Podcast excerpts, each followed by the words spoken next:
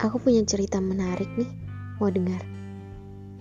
Hmm, tentang tentang layang-layang yang merdeka. Terbang bebas menjelajah langit, pergi beriringan bersama burung-burung, menyatu sama semiriwing angin, menembus awan.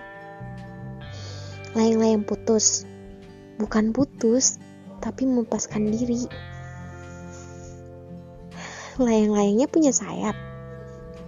Layang-layang gak perlu sayap, Ra. Dia bisa terbang meski tanpa sayap. Intinya apa, tak? Layang-layang membuktikan mimpinya dulu. Ketika ia terikat dan dikendalikan oleh benang. Dulu, layang-layang percaya. Kelak suatu saat nanti, ia bisa terbang bebas di langit. Ini dongeng dari daerah mana sih, tak?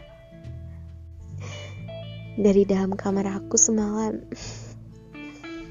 Jadi, ini cerita karangan kamu sendiri.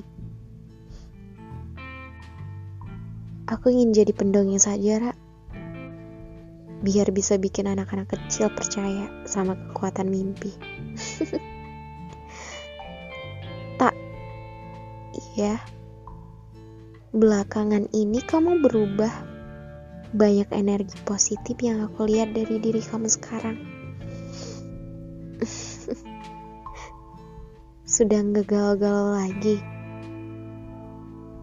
Aku nggak berfungsi lagi dong. Masih kok galau. Cuma ya semua kegalauan itu bukan lagi sesuatu yang bisa membuat kita lemah kan. Kalau kamu gak galau, kamu gak bakal mikir. Nah, aku berusaha untuk melihat sisi lain dari setiap kegalauan yang aku rasakan. Walau untuk saat ini, aku tahu masih butuh waktu untuk belajar hal ini. Cakep. Makasih. Kamu sudah gak butuh aku? Kata siapa?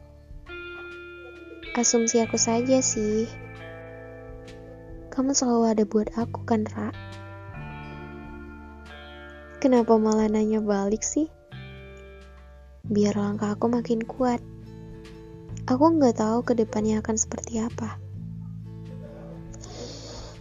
Aku nggak bakalan pergi, sekalipun kamu sudah nggak butuh aku.